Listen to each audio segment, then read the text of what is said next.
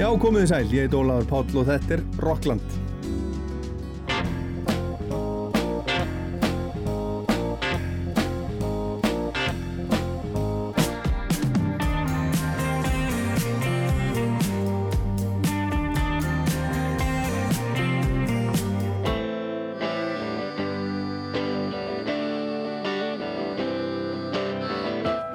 Setni hluta þáttarins fáum við þá Ingo Geirdal og Steppa Jak úr Dimmu í heimsókn með nýja plödu. Sjöttu plödu Dimmu, hún heitir Þögg. Þeir segja frá og við heyrum lög af plötunni. Og við heyrum nokkur lög líka af nýri plötu frá Moby sem heitir Reprise og inniheldur gömu lög úr smiði Moby í nýjum útsetningum fyrir stóra fílharmoníu hljómsveit og söngvara og meðal gesta á plötunni eru Jim James, söngvari My Morning Jacket, Chris Kristofferson, Mark Lanegan og vikingur Heiðar Ólafsson. En við byrjum á heitustu popstjónu heims þessa dagana, hún er 19 ára gömul og fyrsta plataninnar sem kom út 21. mæ er núna í toppsæti vinsaldalistana bæði í Breitlandi og Bandarækjunum. Hún heitir Olivia Rodrigo og kemur frá Kaliforníu.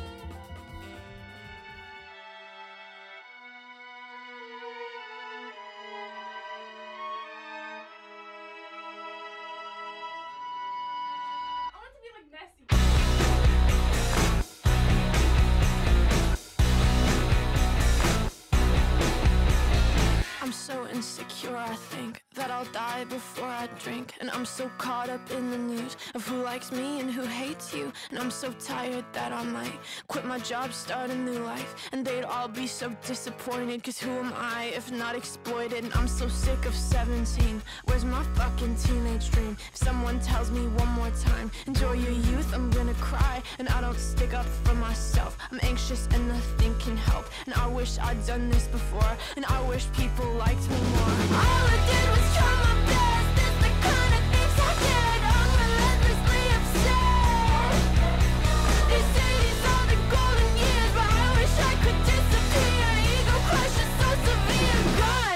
Brutal out here.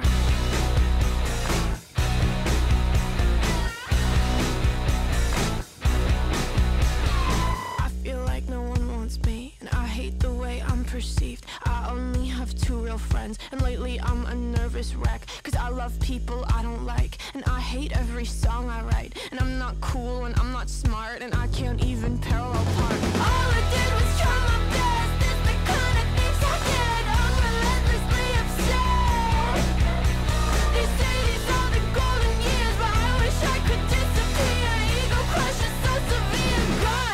it's brutal out here.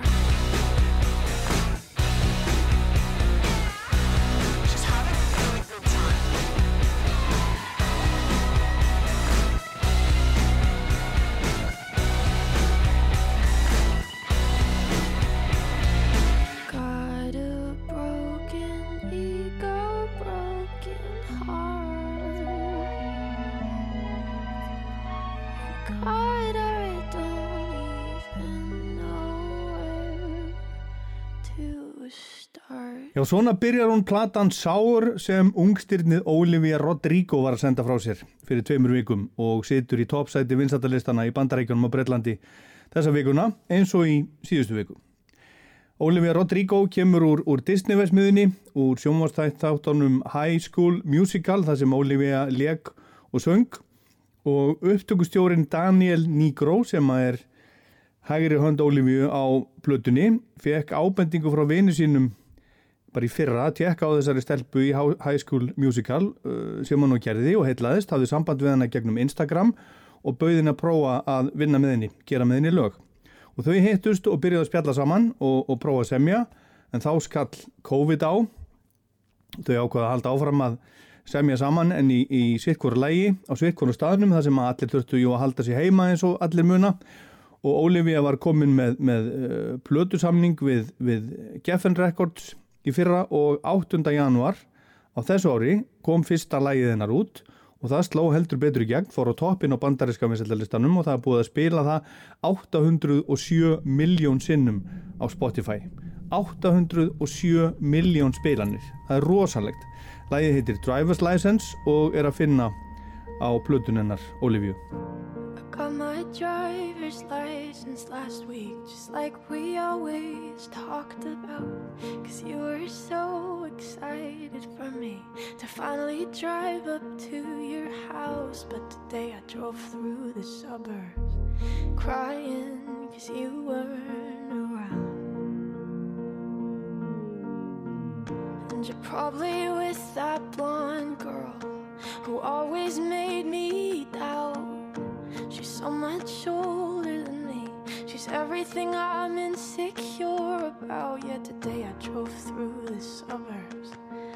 Cause how could I ever love someone else?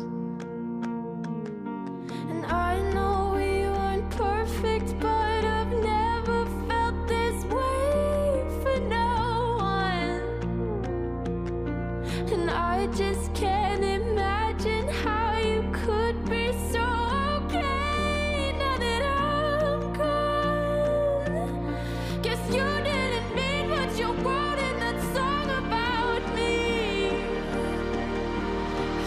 said forever, now I drive alone past your street.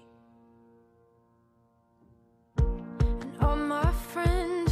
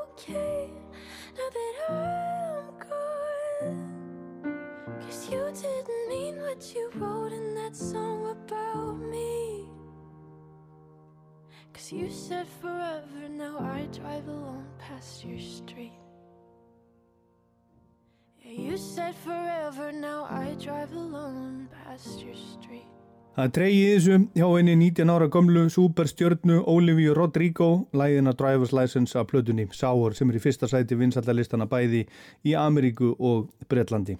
Núna. Þetta fyrsta laganar, Driver's License, sló í gegn eins og áðursæði og svo var farið að huga að næstu skrefum eins og gengur, næsta lægi. Það heitir Deja Vu og þar syngur Olivia uh, um ástina og gamla kærastan og nýju kærastuna hans svona eins og gengur. Lægið náði hæst þriðja sæti vinsaldalistans í Ameríku og þar með varð Olivia fyrsti listamæðurinn í sögunni til að koma fyrstu tveimur lögunum sínum inn á topp 10 á bandariska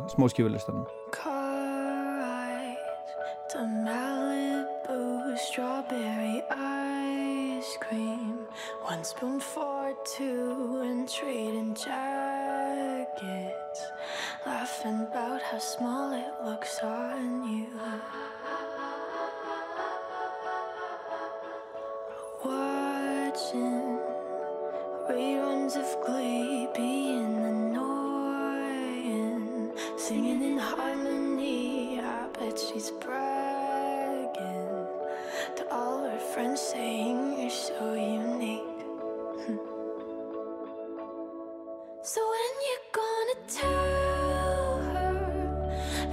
did that too. She thinks it's special, but it's all reused. That was our place. I found it first. I made the jokes you tell to her when she's with you. Do you get deja vu when she's with you?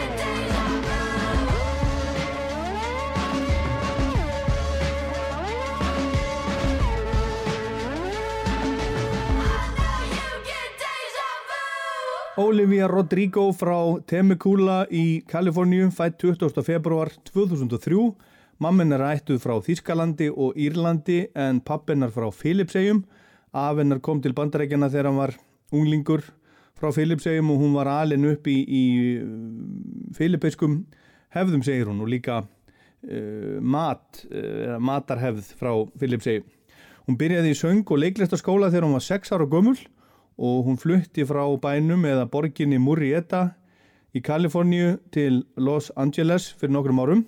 Hún ólst þar upp þegar hún fekk hlutverk í sjónvarsþáttum á Disney Channel sem að heita Bizard Work og síðan er hún búin að vera í Los Angeles. Og það stóð alltaf til að það kæmi út EP-plata núna á, á þessu ári og svo stór breyðskifa setna en þetta gekk svo vel hjá okkar konu og samstarfi við upptökustjóran hann Daniel Nigro að það var ákveðið að, að gefa bara út stóra alvöru plötu. Ólífja vildi það frekar, hún vildi sína breyttina, sína hvað í henni býr og það var til nóga lögum en fyrst kom út þriðja smáskífan lagið Good For You sem fór beint á toppin á vinsaldalistanum í Ameríku. Good for you, I guess you moved on really easily. You found a new girl and it only took a couple weeks. Remember when you said that you wanted to give me the world? That you've been working on yourself. I guess the therapist I found for you, she really helped. Now you can be a better man for your brand new girl.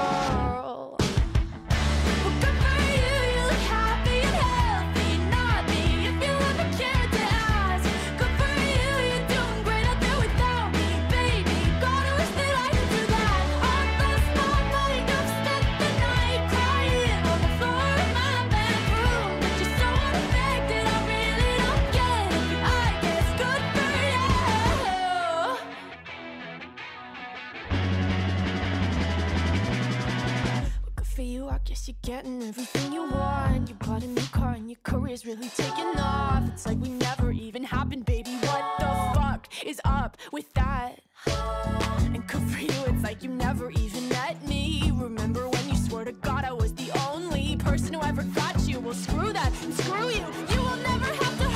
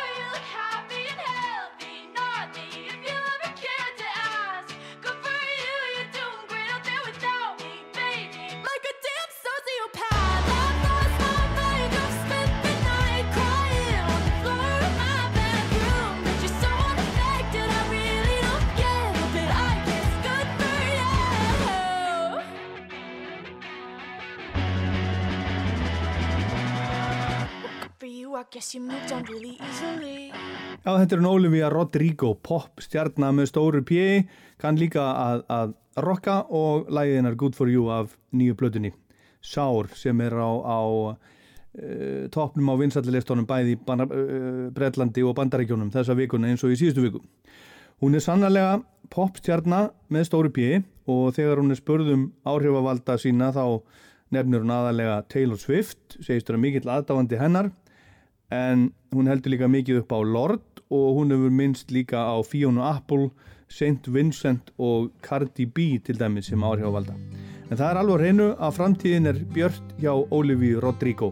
Skulum heyra eitt lag til viðbótar af þessari nýju plötu, lag sem heitir Enough For You.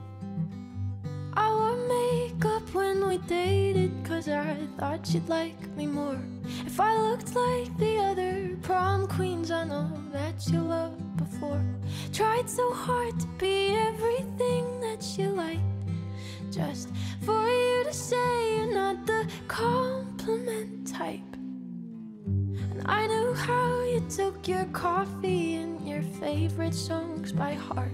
I read all of your self help books so you'd think that I was smart. Stupid, emotional, obsessive little me. I knew from the start this is exactly how you'd leave. You found someone more exciting the next second you were gone. And you left me there crying, wondering what I did wrong. And you always say I'm never satisfied, but I don't think that's true. Cause all I ever wanted was to be enough for you. All I ever wanted was to be enough for you. And maybe I'm just not as interesting as the girls you had before. But God, you couldn't have cared less about someone who loved you more. I'd say you broke my heart, but you broke much more than that. Now I don't want your sympathy, I just want myself back before you found someone next second you were gone. And you left me there crying, wondering what I did wrong. You always say I'm never satisfied, but I don't think that's true. Cause all I ever wanted was to be enough. Don't you think I loved you too much to be used and discarded? Don't you think I loved you too much to think I deserve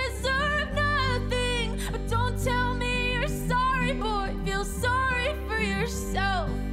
Cause someday I'll be everything to somebody else.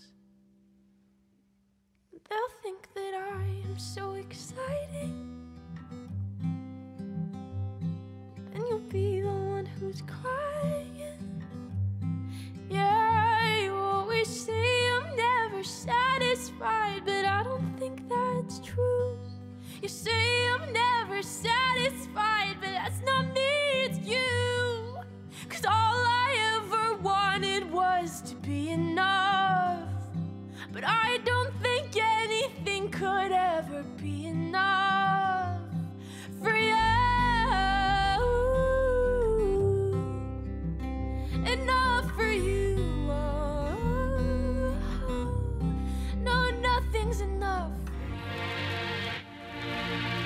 this is Moby, and you're listening to Rockland on Icelandic National Radio 2. Já, bandaríski tónlistamæðurinn Moby, reif og raf tónlistamæðurinn Moby var að senda frá sér áhugaverða blötu sem heitir Reprise eða Endurtekning. Gamla þíska klassíska blötu útgáfan Deutsche Grammophon gefur blötun út og okkar eigin vikingur Heiðar Ólafsson sem er á samningi hjá Deutsche Grammophon eða hefur gefið út hjá þeim er gestur í einu laga þessari blötu. Og platan hefur að geima gömu lög eftir Moby sem að hafa komið út á ymsum á hans blötum. Yngstu lögin kom út á blötunni Innocence 2013 en elsta lagi kom út á blötunni Everything is Wrong 1995. Við skulum heyra hvernig þetta byrjar allt saman.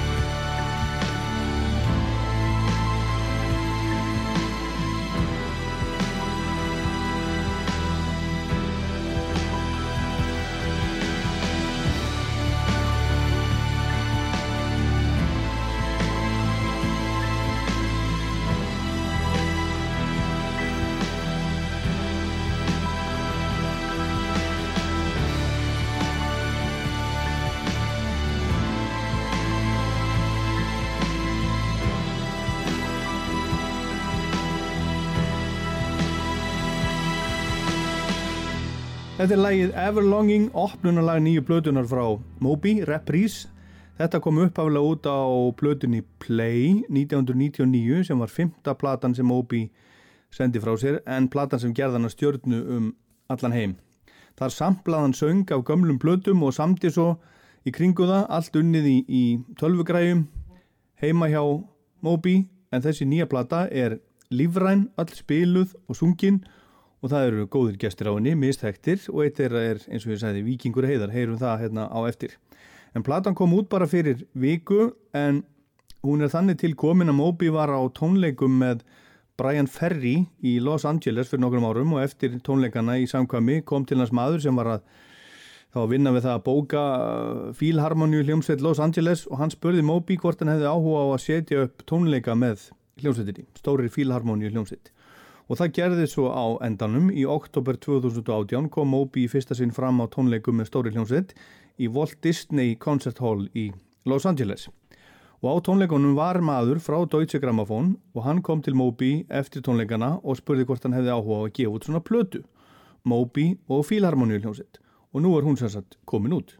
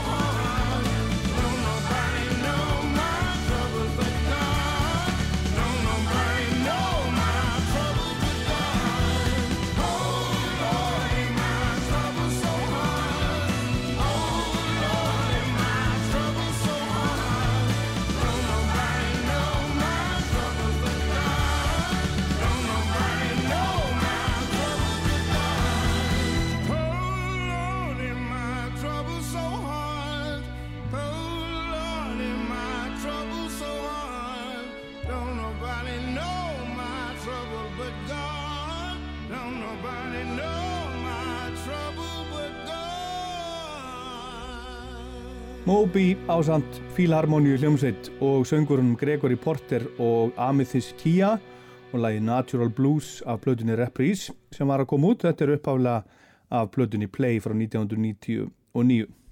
Og vinna með plötuna fór þannig fram að, að Moby byrjaði að velja lögin. Það var það sem var gert fyrst, svo voru þau útsett og svo tók hann upp í hljóðveri í Los Angeles grunna, piano, gítar, slagverk og kammersveit og svo fóru upptökurnar til Budapest og Budapest Art Orkestra bætti ofan á frum upptökur Mobis og hann ákvaði að vera ekkert að blanda sér í það, ákvaði að treysta stjórnandanum þar alveg bara fyrir því verkefni, slefti höndunum alveg af því.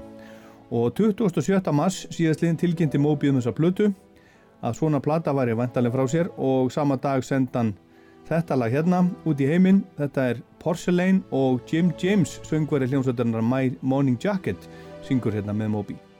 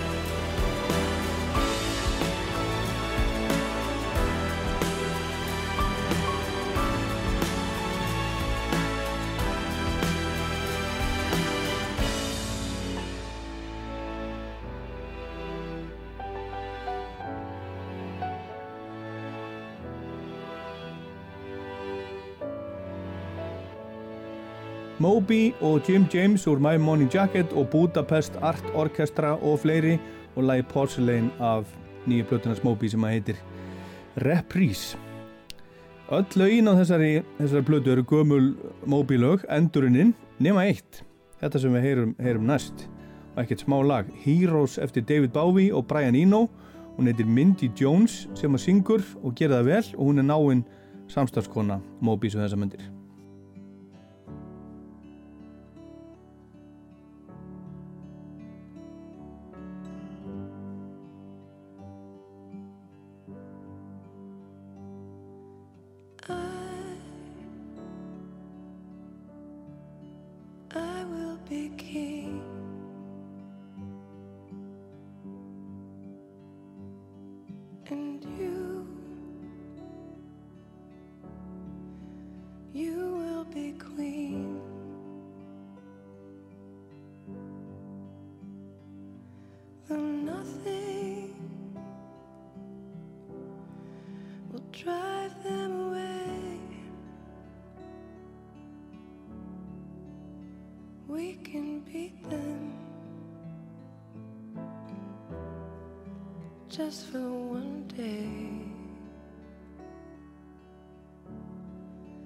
We can be heroes just for one day.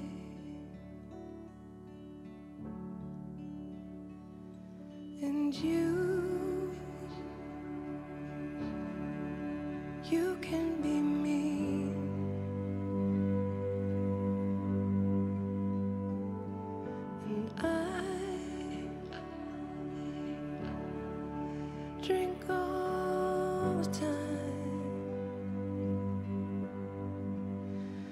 Cause we're lovers.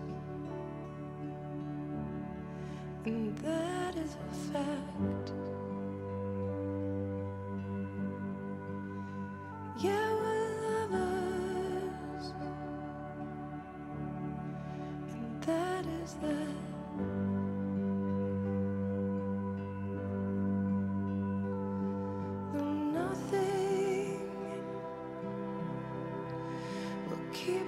Together. We could steal time just for one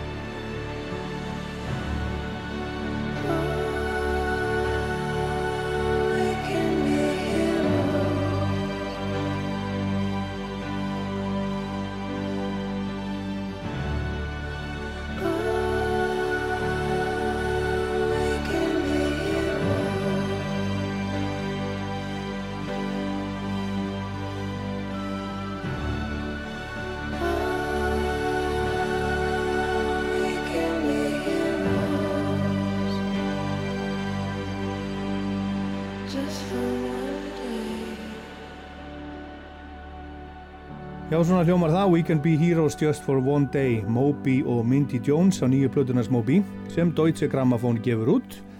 Uh, Reprís sem er uh, Moby með orkestru, stóri hljómsveit enga tölfur, bara alvöru fólk og alvöru hljóðfæri lífrænt og allt öðruvísi en allt það sem að Moby hefur hefur gert og svolítið, svolítið skemmtilegt. Og það eru alls konar gestir á plötunni.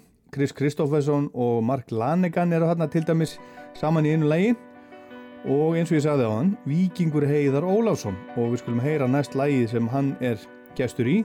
Það heitir God Moving Over the Face of the Waters. Kom uppáflega út á blötunni Everything is Wrong, þriðju blötuna Smóbi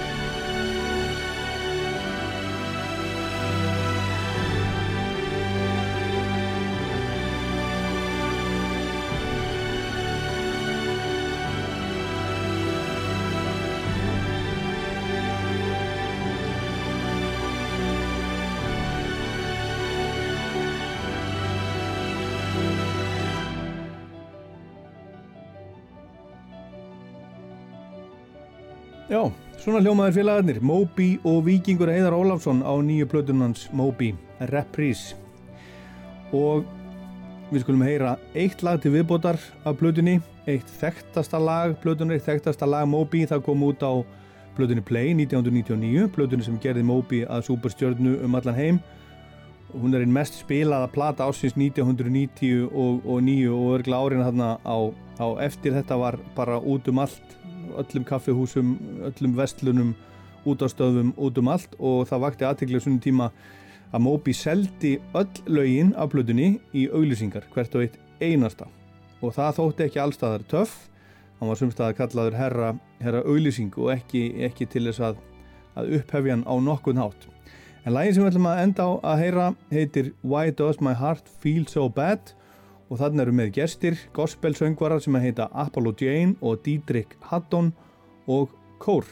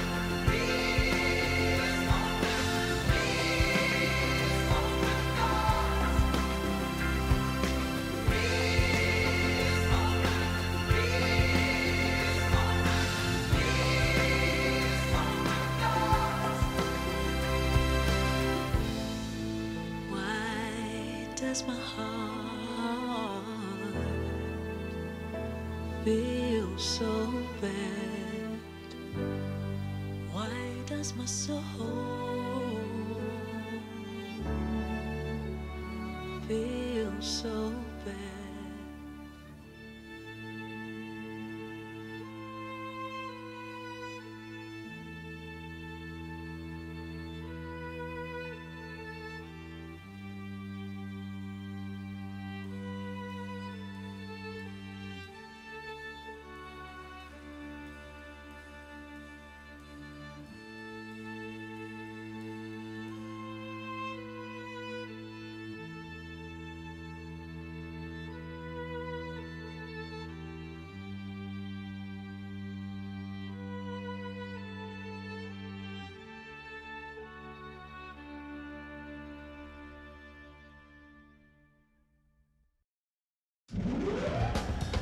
Hi, this is Ian Gillan of Deep Purple. You're listening to Rockland on Ras Tour.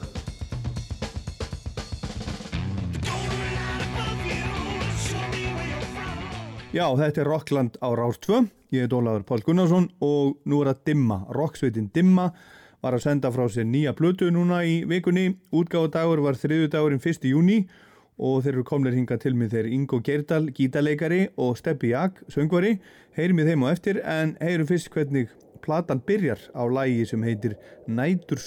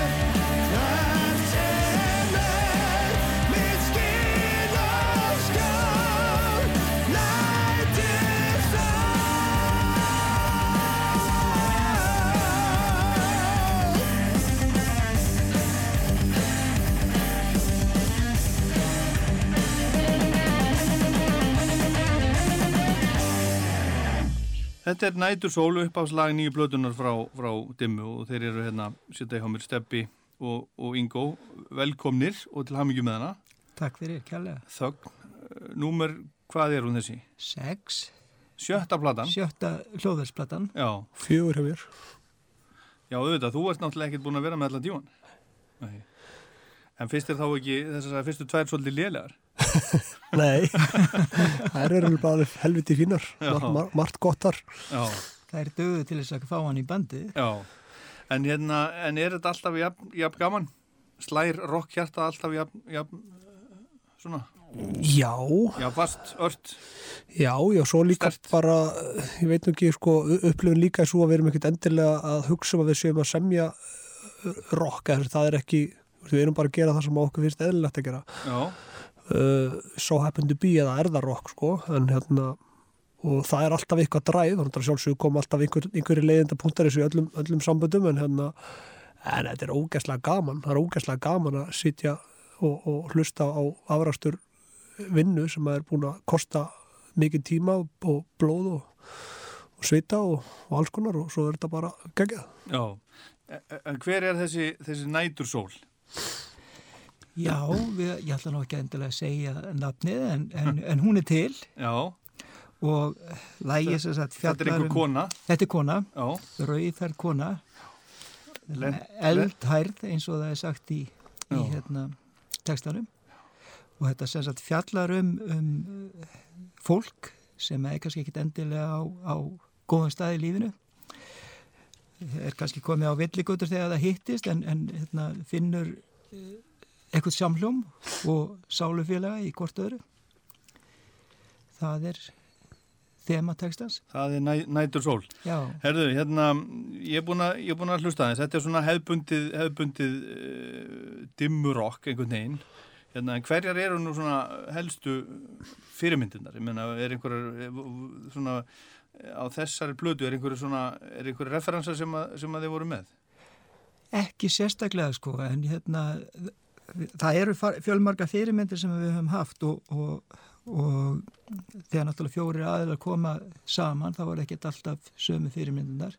Nei. En ég segi fyrir mig sko, þá er þetta hérna, þessa klassísku eins og Purple, Sabbath, Zeppelin og Maiden, Judas Já. Priest.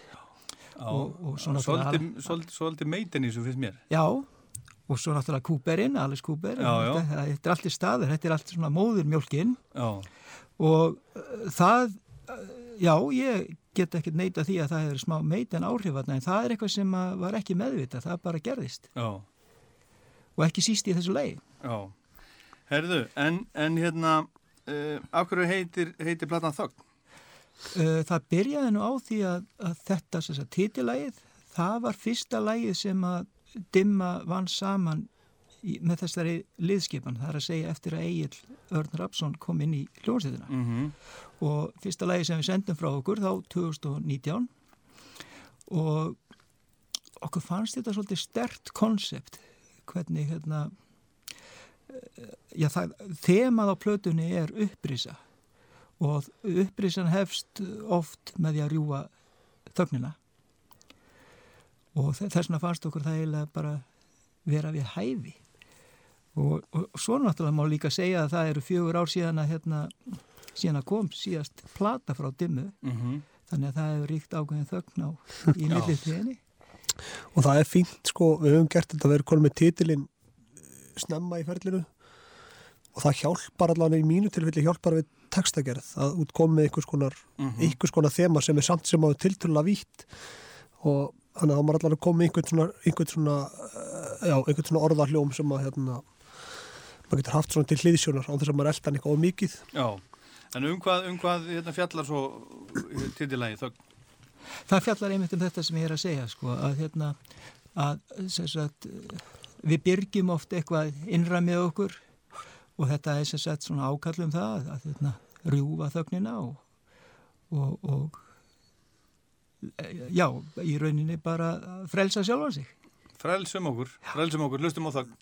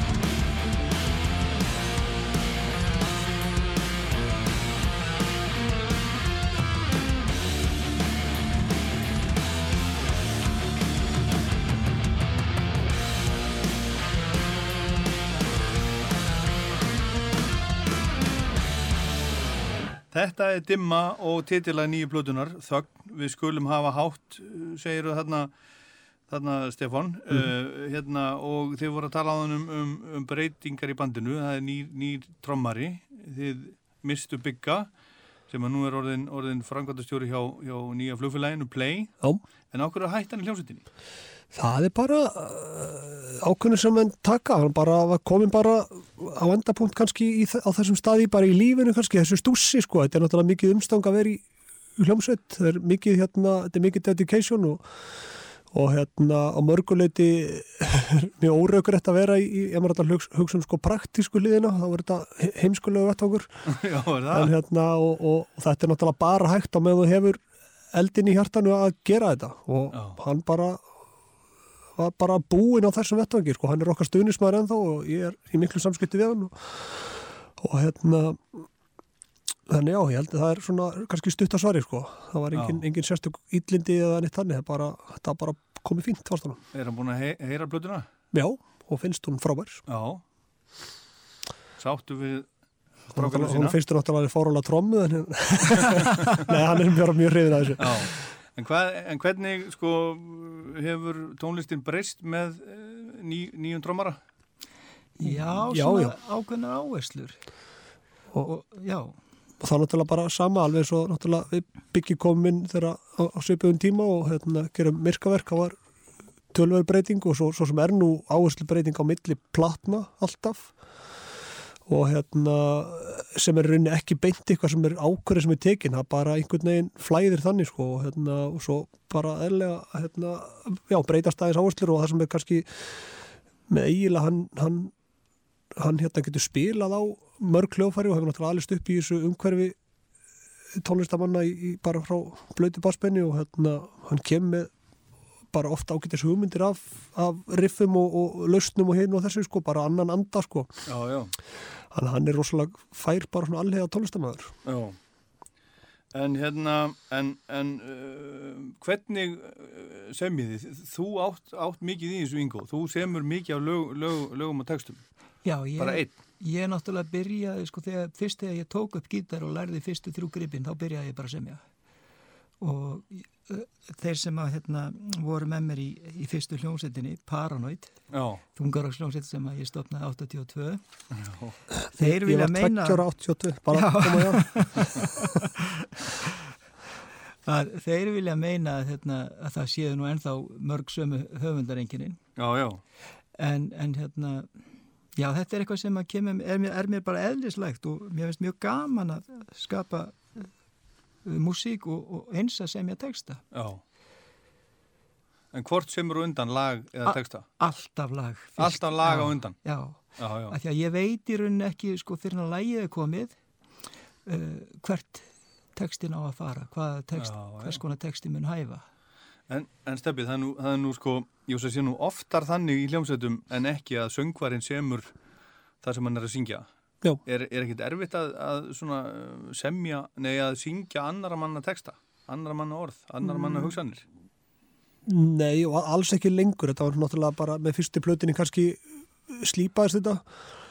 Um, það er hérna, það er margt erfitt, ég svo sem veit ekki, ég get ekki tala fyrir alla söngar en það er, það er hins vegar oft erfitt að því að sko söngur er svona öðru sér hljófæri heldur en heldur en gítar eða trommur eitthvað þannig, húst, þetta, þetta kemur úr þér, þú ert ekki að spila á þetta, þannig að það er svona kannski munun og neða til að byrja með er þetta kannski pínu persónlegt, að menni líður persónlega þegar einhver er að segja þið til. Mm uh, það er alveg farið.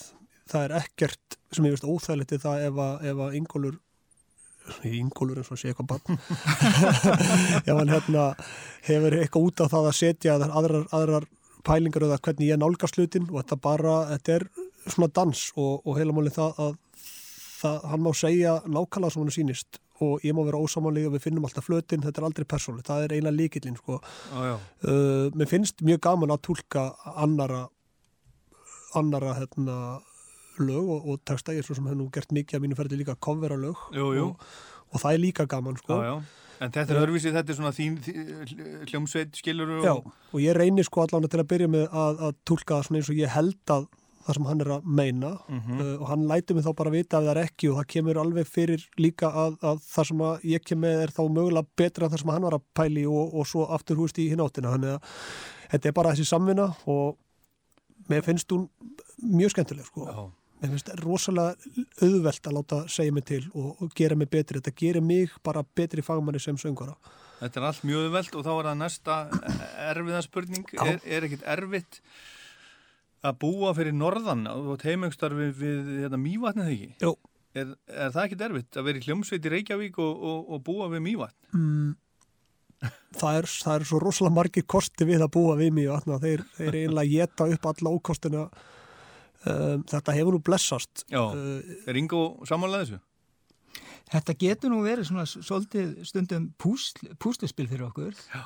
en ég meina þegar maður er með hérna, besta rocksöngur á, á klakanum og þó við að væri leita þá bara bara live is live eins og dóttir mín segir sko. Já. þá vinnum við bara í kringum það ég hef nú ekki orðið varfið heldur annars sko, þetta er nú spurning sem kemur óttu upp sko. ég hef ekkert orðið varfið það að sé ofta auðveldara eða erfiðara eða auðveldara að koma mönnum sem hreinlega búa nánastu hliðin á stúdíónu á staðinn, Nei, ég, nei. ég er ofta ekki síðastur sko. þó ég þurf að koma alveg á norðan sko. Já. Þannig að en En- við látum þetta bara ganga sko. Já, já. Það er einmitt mikið til í því Já. þannig að ég, ég er ef ég, ef ég tek flug þá er ég rétt, rétt um tvo klukkutíma frá ég leggast að heimann, þá er ég komin til Reykjavíkur Já, já. og það er alveg stundu þannig ég þarf að sækja eitthvað á leiðin í stúdíói sko. Já, já. Herðu, það eru nokkrar power ballur á plötunni en, en engin eins mikið, mikið power og lægið andvaka og það er Eurovision tenging þar og þið fóru næstu því Eurovision uh, í fyrra það ekki? Jú, við varum ekki fyrir þetta er náttúrulega Jú, svolítið það jú. revjum, það, það þessu upp, maður er, svo, maður er svo fljótur að gleyma. Já, við þegar í undakeppninni þá hérna, vorum við með uh, fleiri stig heldur en nokkur annan keppandi. Já, Það er á meðal gagnamagnið. já þið voru að keppa við daða við þetta. Já. Já, en hérna, helvitiðan Russell Crowe, hann þetta allt fyrir okkur. Nú, býttu nú við. Já, hann, hann, hann, hann, tweetaði einhverju og... en ekki sko, maður ætlar ekki gera lítið út á hann stóð sér nei. frábælega með frábært lag og, hérna, og vel að þessum sigri komin og hérna, það er erfitt að keppa í, í músík, þetta gengur ekki út að róta anstæðingin eða, eða, eða fara hraðar Nei, nei, þetta er bara skoðun rosalega margra og, já.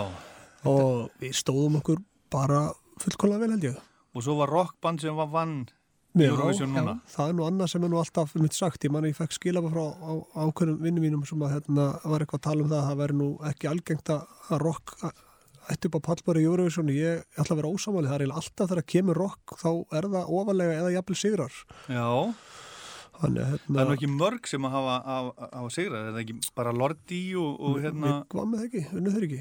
Nei, var Un, það? unnuð þeir ekki, Ég, veistu, ég man það ekki. ég held það en þeir allavega voru með sko mest spilaða lagi það er alveg Já, já, Þannig og, hérna, og þetta allavega vekur alltaf sko aðtigli og bara þetta er svona skemmtilegur hérna, svona vittlisins vinkill sem er alltaf tekin eins og bara hérna, Gísli Martit kom inn á þeirra finska lagið að búið sagði hérna, þetta er nú kannski ekki frumlegasta lagið í keppninni og það þarf alltaf að taka það fram ef þetta er rock sko. Já. allt hitt dunkadunkið fær bara að fljóta með sko. Þannig að það er alveg sama hvað er þetta er alltaf einhvern veginn, alveg sama kursu kommersiálda verður, þetta er alltaf á jærunum En hvernig leist ykkur á þetta ítalska lag? sem- Mér finnst sem það geggjað Ég veist það bara Já. mjög gott. ég er búin að hlusta líka bara á bandið tölvert Já, og og það er er bara þetta sæmilegt band? Já, já, já. Þetta er töff band. En hvað hérna, uh, hvað segir það svona um hitastíð stöð, stöðuna á rockinu í heiminum þegar það vinnur Eurovision? Ég held að segja ekki neitt í rauninni, sko. Nei, Nei, Þetta, ekki þetta bara, þau svona voru með gott lag og, og mjög sterka útgeislun. ekkert rockið er á uppleiði eða rockið er alveg dött. Rockið verður aldrei, það deyr aldrei. Það, Það er hefur- kjaftaði, sko. Það hefur búið að- aldrei gert Nei. það. Svo dánatilkynninga er búin að koma oft og, og gerist reglulega. En, en það er ekki dött ennþá. Nei. En ég held að þetta Eurovision hafi bara farið bara nákvæmlega eins og átt að fara. Bæði, hérna, er ég guðslefandi fegin að við lendum í öðru seti? Já, er það? Já, ég held að mér, ég, ég hef engar sérstakann áhuga á að dimma fái svona mikla aðtegli. Nei. Mér, mér finnst það ekki spennandi að vera allra. Dimma á ekki að vera allra. Rokkið á ekki að vera allra. Já. Þá missir það einhvern veginn spennuna finnst mér Já. og sjarman. En þið eru nú að fara aðeins svona út fyrir ykkar ramma til dæmis með, með lægin og andvaka.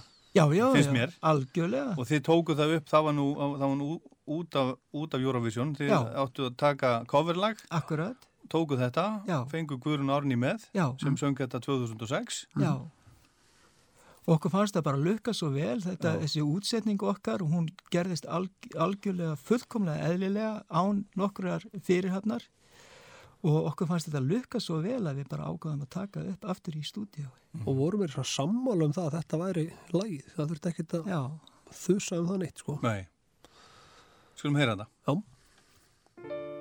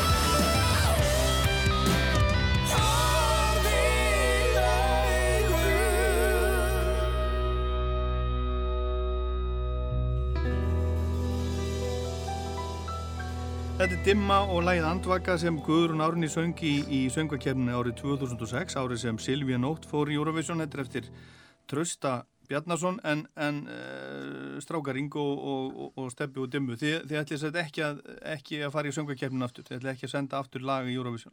dimma mun ekki koma aftur fram í Eurovision. Það er alveg á hreinu, Já, við erum búin með þann það er búið bara. En, en var þetta, var þetta skemmtilegt ferli, lendi öðru sæti? Mjög svo. Já, frábært, þetta var bara eiginlega skemmtilegur en við byggust við sko og hérna, það var búið að ræða okkur manns konar tröllasögum að við fengjum ekki að stjórnast í neinu en, en þetta var nú það var nú ekki margt sem að við gáttum vælt yfir Nei. á var þetta neitt, við fengum bara að vera dimma, það var eiginlega það að sko. þið þurfum ekki að kvarta mikið undan rúf almennt. Ekki, ekki. ekki alvarlega sko, það er allavega, það er svona í, í miklu minnuluta, Já. sjálfsögur getum við alveg fundið eitthvað en, hérna, en það er bara óþarfi. En hvað með, hvað með sko, hérna, útlönd yfir, yfir höfuð? Eru þið eitthvað að svona reyna að koma ykkur á framfærin í útlöndum? Við höfum ekki mikið verið að reyna sko, en, en við höldum náttúrulega öllum dyr opnum. Og, og uh, það, hef, það hefa komið fyrirspurnir auðvitaðan og, og þá fylgir því alltaf að hérna, þeir vilja að við syngjum á ennsku Já, og við ætlum bara að sjá til hvað kemur út úr því. Ef, ef að það kemur eitthvað hérna, bitastætt tilbóð og eitthvað spennandi að þá hérna, erum við alveg opnið fyrir því. en þetta er miklu eins, einstakara, sérstakara ef, ef þetta er sungið á íslensku. Ég er nefnilega sammála því. Já, já, og menna, það er fyndan við að það er ekkert verið að spyrja úst, sólstafi okkur er að syngja á íslensku eða, Nei, nei. úst, og fleiri sem að gera það sko og skál, skálmöld ekki heldur sko. Ramstein á þýsku og... Akkurat. og, Já, já. já, og þess að Ramstein náttúrulega missir eiginlega allt, allt Já. sitt í veginn þegar það fara yfir á ennsku Já, þannig að hérna já, við bara höldum áfram að vera dimma, er, við kunnum það sko já. Og þið kunnu það, þið, þið voruð að, þið voruð að spila um sí, síðust helgi, það ekki? Jú, Bæjarbí og, og, og, og, og Græna hattinum. Já. Fullt hús. Já, þetta er tveir af okkar uppáhald stöðum, sko. Já. En var sem sagt fullt hús, var selt í fullt hús? mm, Já, þetta er náttúrulega, sko, græni hatturinn er ekki það stór Nei. og það, það er sérst, hvað verður ekki, 150 Já. til með takmarki, cirka. Þannig að, hérna, þetta er ekki fullt hús hjá dimmu undir venjulega kringustæðum, það er tróðfullt hús á græna hattin og maður venjulega eru með tvenna tónleika þar. Já. En, hérna, svona undir þessum kringustæðum var þetta mjög gott og, og geggjur stemning eins og alltaf á hattinum. Já. Sama með bæjabí og það er eitt, eitt orðin eitt flottasti tónleikastæður á landinu. og kærkomið, ég vil að þetta er kærkomið Jú, jú. bara Frábært hús. Já, gott, gott að fara á uh, fyrst, fyrsta gig og svona, okkur fannst svona, stígum varlega til jarðar og vorum svona á, ég myndi segja svona 85% gasi á, á Já. fyrsta gigi, náttúrulega klukkan 7 og þetta hitt, en ég er ekkit vissum að fólk hafa endilega fundið fyrir því, sko, Nei. en svo bara riðið farið og farið og hérna, ég held allavega að græna hattinu voru bara nákvæmlega sem við með, á okkur að vera, á- Já. upp á okkur besta Já. Og þetta voru ykkar fyrstu tónleikar í bara Já, við tókum eina Lang- hérna, langa tíma? já, við tókum, já, við, Nei, við tókum eina hérna á Norrfyrði fyrir hvað tveimánum eða eitthvað fleis Já, já. já.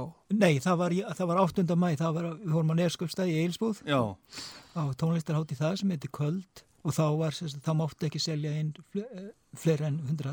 Já. Það var, allir, allir með rosalant bíl á milli og með grímu, það var rosa spes allt sko, því maður sér ekkert á svipna á fólkinu hvernig þið líður en eitt og, og þetta var nú svona orðið lítið vandararlegt í lokin, þegar allir voru svona orðni vinnir, en við erum náttúrulega rosalega vanir því að vera með allt alveg onni okkur og, og mikið, mikið svona tenging við fólki sko, Mhm. bæði á tónleikunum og eftir tónleikunum, við gerum mikið að hitta fólk spjalla Mhm. við þau og, og hérna og svo leiðis og Selja þeim bóli og blöður og Já, já. húur og allt mögulegt. Allan pakkan. Já, já.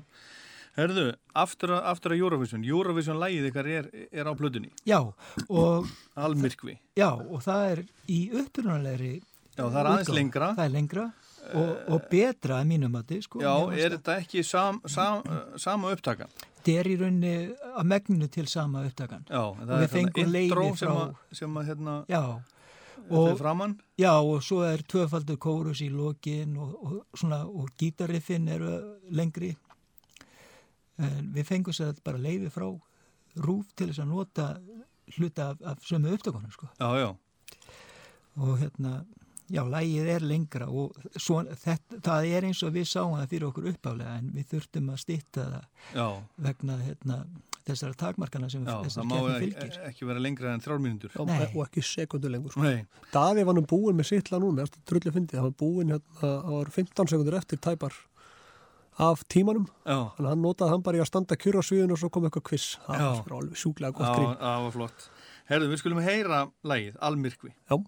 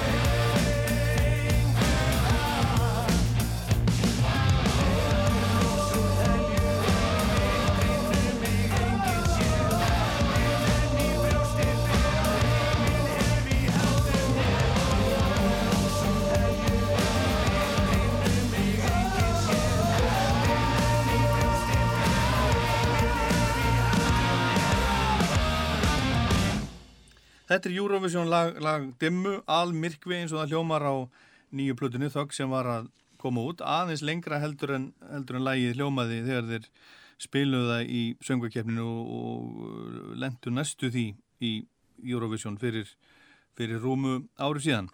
Og platan er komin út á, á, á CD eru, eru geisladiskar að seljast? Við seljum alltaf geisladiskar, Já. allir okkar hérna, geisladiskar hafa selst í einhverjum þúsundum eindaka. Já, er það? Hver, er- já, fyrir, ut- með einu undan, einni undatekningu og það er fyrsti hérna, diskur dimmu og það er ástæði fyrir hans hefur ekki selst um, meira að því að hann var bara gefin út í 500 eindaku Já, já, já. og er, og er bara sattgripur í dag Já, sem já. Fer, fer, á, hérna, fyrir góðan pinning Já, ok. en það má finna þá plötu líka á Spotify Já, já. Og, og þetta er náttúrulega komið á Spotify og svo er, svo Já. er vínill á leiðinni. vínill á leiðinni og, og hérna, við erum að leggja mikið í þetta þetta verður 180 grama vínill með svona eh, sérstaklega svona Bordeaux rauðvinslítum lit Já, já. og verða bara pressu 300 eindök af þeirri útgáfu og það er bara megni að henni farið í Já, hérna, já, já. forsölu Akkurat. Erum við ekki öruglega að halda eftir fyrir okkur? Ég, við verðum að halda eftir fjórum, fimm eindöku sko. Já. Herðu, svo er svakalegu bæklingur hannaður af, af Óluf Erlu listakonu, konunans Silla. Já, hann fylgir geisladisnum, bæklingurinn. Já, ekki víniblöðinni. Nei, það, það, þetta er sitt hvort hönnunin Já, ok. og hérna textarnir fylgja báðu bæði hérna vínarplötunum og geisladisnum en svo eru svona auka myndir af, af fallegum kallmannum í 20 blæsina bæklin sem fylg, fylgja já. En hérna, en þið voruð að tala hérna áðan um að, um að þetta væri svona að maður þyrti að vera með hjartað í þessu, annars gengið þetta ekki. En gengur þetta upp, ég menna, þú veist, uh, þú veist, gengur þetta upp fjárhagslega? Við bara látum þetta ganga upp. Já, já. Já, já, bara fyrir okkur hefur þetta gengið, við höfum alveg getað greitt okkur einhver laun fyrir þetta síðustu, hvað við segja, 5-6 ár, Já, eitthvað svo sko. og, Við settum allt, allt sem við fengum inn til að byrja með bara í bandið og í Mhm. sjóið, sko, bara til að gera þetta stærra og meira, það var bara alltaf þannig. Og nú erum við bara komnir þangað að við getum allavega að lifta okkur að, að fá ykkur út úr þessu en, Mhm. en þetta er ekki, þetta er ekki þú verður ekki ríkur að spila þungarokk á Íslandi, sko, þetta er hugsanastarf en, en við höfum líka tekið alltaf sko einn fymta frá fyrir hljómsveitina til þess að kosta útgáfur og, og flotta tónleika og, og við erum náttúrulega að fara að vera með útgáf tónleika fyrir, fyrir þögn sem verða þeir stæðstu hinga til. já, já, Eldborg 8. oktober, Já, já, það kostar pening akkurat. og, og, og hérna vonandi þurfum við ekki að borga þá sjálfur.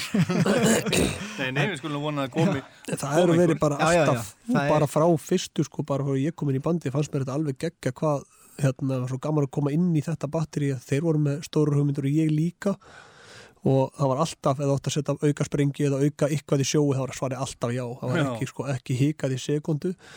Og með þykir það rosa skemmtileg stefna þykir vænt um það að við séum alltaf með huga við það að gera meira sjó, sérstaklega þegar við gerum útgáttálinga þetta er meira, Meira kiss.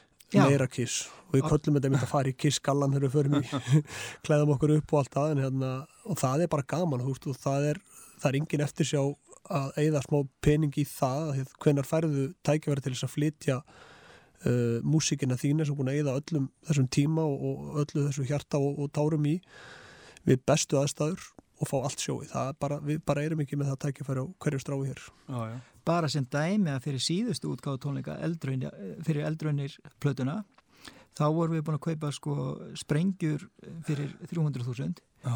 en svo kostaði okkur 600.000 að fyrir að því að við þurftum að borga slökkveilinu til þess að vera á staðnum í háskólabíu Já, á- ok. á- áttaslökkulin á vakt og dælubíl þannig að það kom lítið út úr í vasan en það var allt þess verið og þeir þurftu ekki að gera neitt þá, sko. þá, já, hún kom ekkert út úr því að það var gaman Já, Þegar þeir hefðu allavega ekkert að sprauta það á okkur eitthvað Já. anskot þannig að fyrst þeir voru mættir þeir Já, já. ekkert, sko, bara Já, já. stóðan og skemmtu sér, það var gaman En hvar er þetta, er þetta tekið upp og, og, og hver er svona upptökustjóri? sko við erum við bræður höfum nú yfirleitt tekið á okkur upptökustjórnina eh, í gegnum tíðina Já, og á, á eldröunum var reynda með okkur hann hérna Haraldur Sveinbjörnsson sem er hérna kallað sér Red Barnett mm -hmm. frábæð tónlistamæður sem hefur, hann hefur komið að öllum dimmuplötunum að einhverju leiti uh, í þa að þessu sinni þá er það uh, við bræðunir, Gerdalbræður, ég og Silli og Sveit Már Jón, nei fyrir ekki, Sveit Marteinn Jónsson sem er hérna, var líka upptökumæður ásand Silla og sá um að hljóðblanda plötuna Já, já. og, og gerir það að mínum að þetta alveg einstaklega vel ég er mjög ánægð með eh, hljóðheimin á þessari plötu. Hvað hefur, hefur hann gert? Uh, hann hefur meðal annars verið að hérna, vinna með Páli Óskari sem er náttúrulega mjög ólíkt dimmu. en við höfum aldrei verið hrættir við að hérna, vinna með fólki sem kemur úr öðrum áttum. Samanber hérna, Guðrúnu Árnýju Já, já. og já eins og ég segi ég er bara mjög ánægð með hvernig til tókst. Mm En byrju, þetta þetta er sjötta platan, svo er það búin að gefa, ég, ég- er alveg sko rugglaður í öllum þessum, þessum tónleikaplötum og Já. plötum með bubba Akkurat, og, það og eru- þetta er, þetta er einhver, einhver haugur af öllum anskotanum. Já, sko það eru í stuttumáli þá er þetta tvær tónleikaplötur með DFD-diskum með sagt, dimmu, útgáðu tónleikarnir fyrir myrkraverk og útgáðu tónleikarnir fyrir velráð svo er það tvær plötur tónleikarplötur með bubba. Það er sem það sem við tókum utakarsmenn og Das Kapital fyrir. Og það kom DFD-diskur líka með honum. Já. og svo var önnur plata með bubba sem heitir Minnismerki þar sem við tókum ególögin fyrir. Og svo að lokum er að fymta hérna, tónleikarplatan það er Dimma og Sinfonia Nord sem Já, já, fylgdi já. líka myndiskur með. Akkurat. En, en, en hvað með samstarfi við uh, bubba, er það eh, alveg búið eða? það er allt opið, það er bara við hefum ekkert hérna, ákveðið eitt eða neitt sko, Nei. þannig að hérna, það maður aldrei segja aldrei að segja aldrei Já. En Steffi, er ekki derfitt að sjá annan söngvara með hljómsveitinu sinni? Um, nei, þetta er bubbi sko, þetta er ekki einhver annar söngari. Það var náttúrulega á- ákveðið svona, hérna, svona ekki eitthvað segja ástand sem komið upp, það var náttúrulega bara, ég kann hann alveg þrjú grip á gítar og það er ótrúlega heppilegt að flest lögin með bubba er nú ekkert mikið fleiri. Nei, nei. Þannig að það var nú hægt að redda þessu og svo bara að redda með og svo var það nú þannig þegar við fluttum þetta sko á hefbundum tónleikum þá tók dimm alltaf sitt sett á undan og svo kom bubbi í kjölfari. Mm Þannig að hérna, þetta deildist nú bara fínt sko. Já, já. Það er ekkert að því að fá að spila á gítar með Bubba Mortins. Nei, nei. Þannig að og, og það, getur, það getur vel verið að það verði einhvern, framhald á því einhvern tíman. Já, Bara- ef að, bara eins og þetta var í upphafi ef ef að Bubbi hefur samband og spyr hvort þú vilji spila með hann þá segir ekkert nei Nei, það er þannig. Herðu, mér finnst eitt, eitt besta lægið á, á blötunni vera svartur fugg sem við ætlum að enda á, enda á að hlusta Já. á. Hvað getið þið sagt um, um það lag? Það, að, sko, það, það er að stórun hluta komið á smiðju hans Silla bróðurs og, og varð svolítið til svona út úr uh, djammi. Uh, svo hérna komum við Stefán að því með svona sittkóra kaplana og, og hérna mér, ég verði að segja alveg svo er sko þarna var, voru við konum með svo flott rið en ég var alveg vandrað með söngmjálöfdíunar sko, hvaða söngmjálöfdíu geti ég komið með þarna sem að, sem að væri ekki klén Mm. Og svo hérna þannig að ég gaf mér ágættan tíma í það og ég er bara mjög ánægð með útgámana og ekki síður textan sem að er einmitt hérna eh, já, viðfangsefni sem er mjög skemmtilegt sko. Mm það sem sagt svartur fugl eh, getur verið þess svona persóna eh, sem að er hérna já svona má segja svona eins og litli ljótið andarungin, engin, engin vill eiga hann sko. Já, en svo þegar hann hérna hann byrjar að fljúa og þá vilja allir eiga hann já, og hérna það, ég get bara það er hérna það er, er, er texti og þema sem að má má, má setja við margt sko, það er að meðal kannski dimmu já, kannski. Þannig að, að dimma er þessi svarti segja Mögulega það. hugsanlega kannski. mögulega Mögulega húsilega kannski. Herðu, strákar, ég óskar ykkur til hamingju með þögnina. Það. blötun ykkar. Takk fyrir komuna. Takk fyrir okkur. Rockland og, og hér er svartu fugl. Takk. Takk.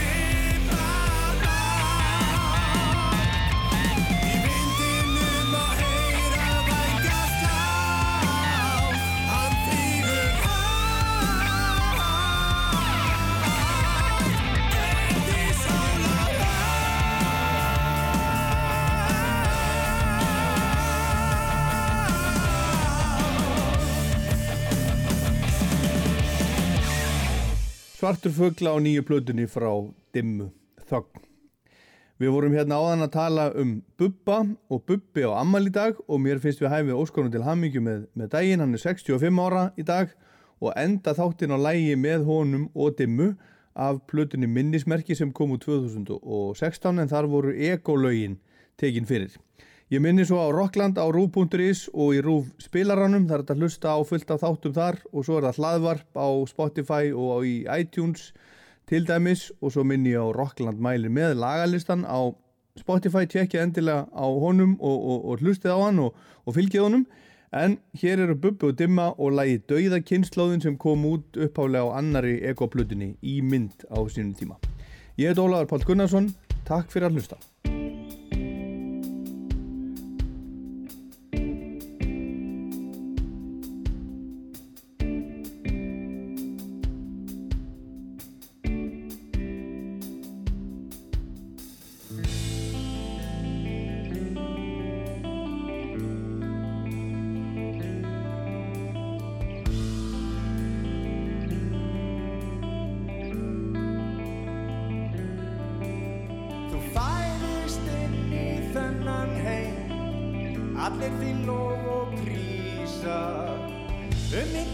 canto de play.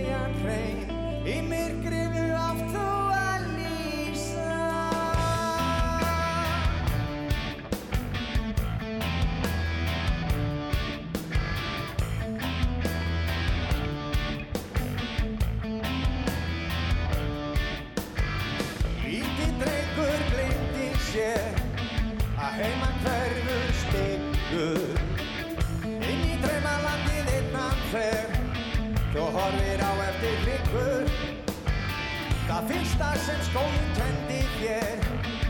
Voru bóðorðin tíu. Á kostnað þinn kennari stemdi sér. Skólinn átti enga hlýju.